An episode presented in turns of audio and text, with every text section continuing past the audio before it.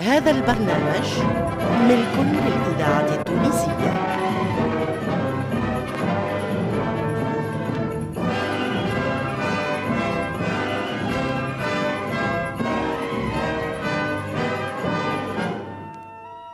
الفرقة التمثيلية للإذاعة التونسية تقدم المملوك.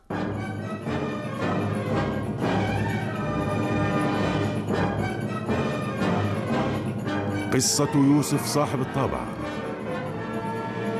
تأليف حسنين بن عمو إخراج محمد المختار لوزير.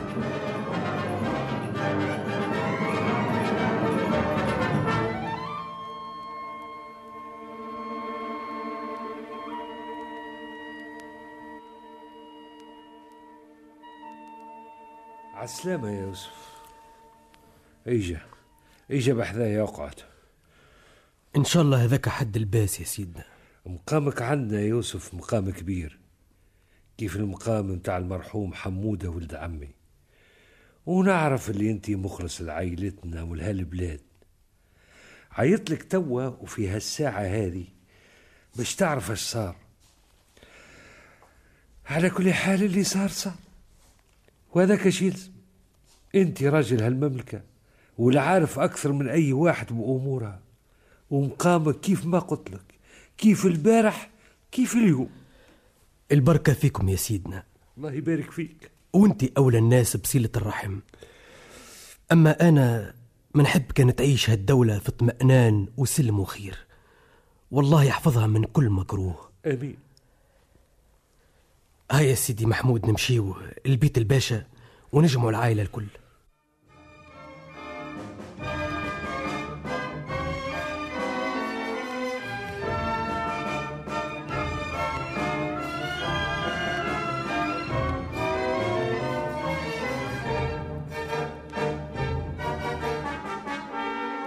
من فضلكم. من فضلكم شوية سكات يعيشكم أنا بيعت سيدنا محمود باي ونطلب منكم باش تبيعوه هو أولى وأحق من غيره ببقعة أبوه وجده الله يرحمهم.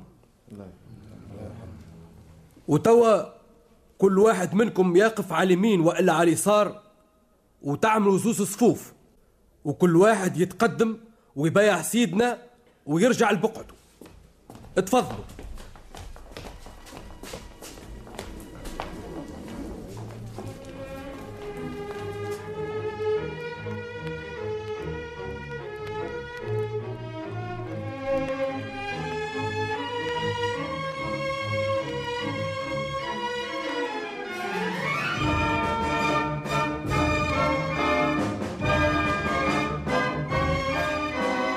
مبروك يا سيدنا محمود باي. مبروك. إن شاء الله بطول العمر. يا يوسف مرادي اليوم بعد ما رجعت الأمور لبقعتها إني نشوفك متزوج.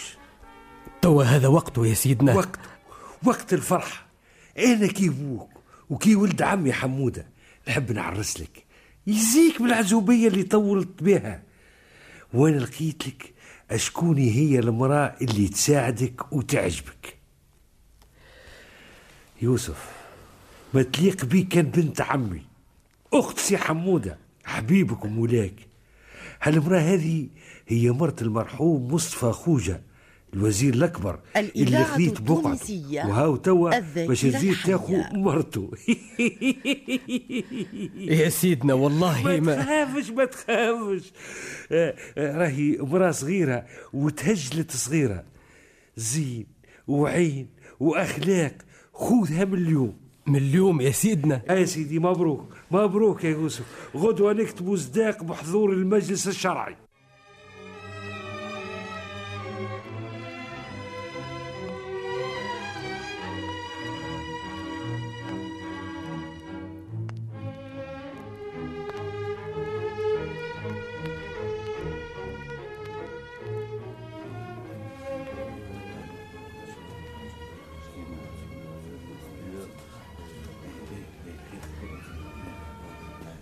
السلام عليكم ورحمة الله وبركاته.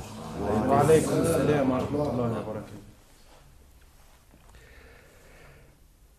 بعد البيعة اللي وقعت نحب نعلمكم اللي أنا مانيش باش نبدل حتى حد. الوزراء متاع ولد عمنا حمودة يقعدوا في مناصبهم. وكل رجال الدولة كذلك. وحتى حد ما تنقص له حاجة. هذا قلم. القلم الثاني واللي على خاطره اجتمعت بيكم هو سبب ثورتي على عثمان بي.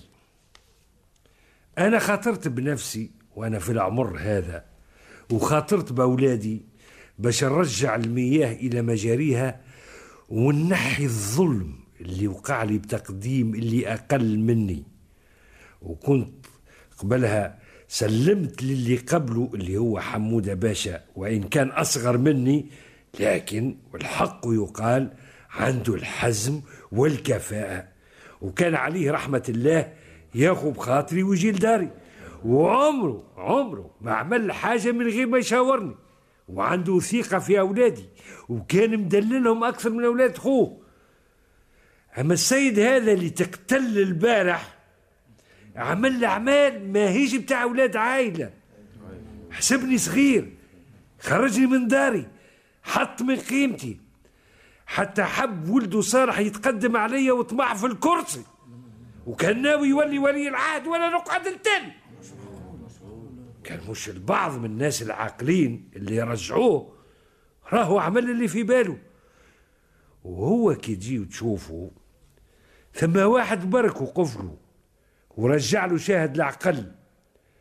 الرجل هذا هو سي يوسف صاحب الطابع. الله يكثر من أمثاله. هذا الراجل المخلص الوفي لهالدولة ولهالبلاد أنا توا كبرت وهدني المرض وما حاجتيش بالملك ولا بالدوة متاع الحكم. حاجتي باش يرجع الحكم لأولادي. هذاك هو هذاك اللي طالب أنا وانت يا يوسف انت الوزير الكبير وتقعد الوزير الكبير على خاطر انت هو اللي بشرت هالمملكة مع سيدك حمودة وتعرف ما يضرها وما ينفعها بالمباشرة والتجربة. وأنا أنا ما عملت شيء لا نعرف نحكم ولا مشيت ولا جيت. كنت قاعد في داري لا نخالط لا يخالطوني كنت راضي بعيشتي ولهذا أعمل اللي كنت تعمل الإذاعة أيام ولد عمي حمودة. الذاكرة الحية. وما تتوقفش في المصلحة. أعمل اللي تشوفه وأنا نتوقف على رأيك.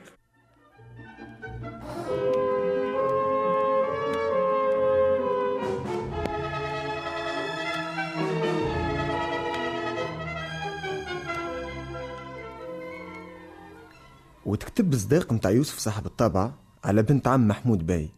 وكان نهار عظيم في قصر باردو. وخرجوا الناس الكل.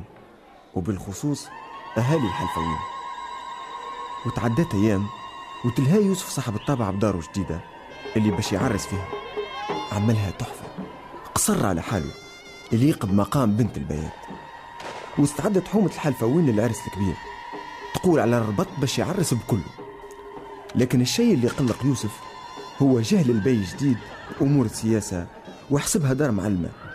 وما عرفش يختار الرجال اللي يلزم يعاونوه على الحكم. وحب يحط هذا على خاطر عشيره ولا يختار الآخر على خاطر قريبه وظهر الراجل عاطفي أكثر منه عملي. واختار خوه إسماعيل باش يولي باي لمحال. وإسماعيل هذا سيرته ما تعجبش لا القريب ولا البعيد. ويوسف صاحب الطابع ما طاق صبر وحب يقول رايه صراحة للباي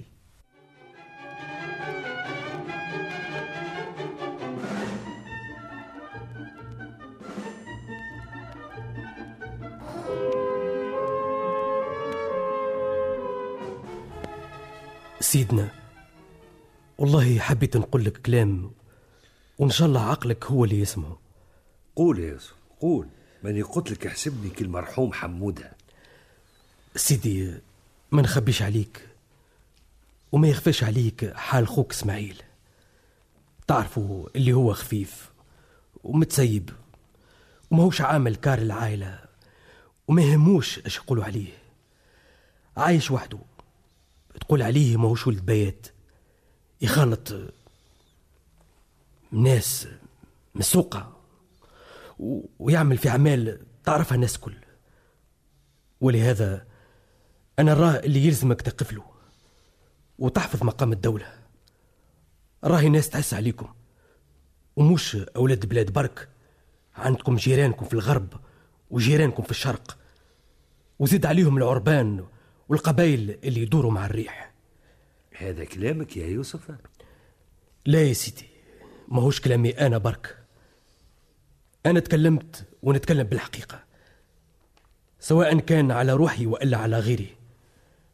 أما جيت قلت لك أش يقولوا الناس باش نفكرك باللي كان يعمل فيه سيدي حمودة الله يرحمه. كان يقدم للصفر بالمحلة نايب عليه.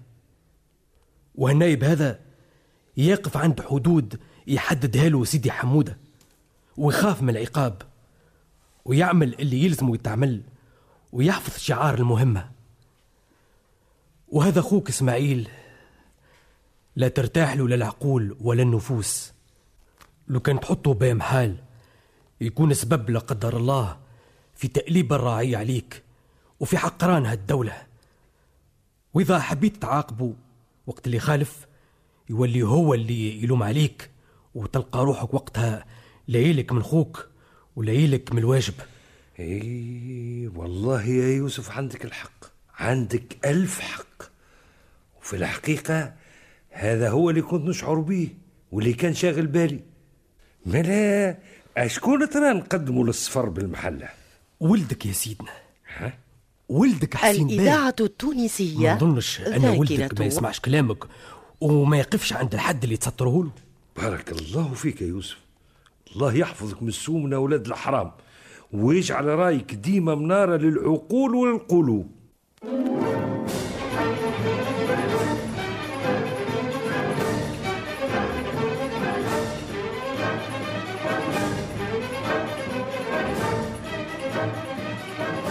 قدمت لكم الفرقة التمثيلية للإذاعة التونسية المملوك.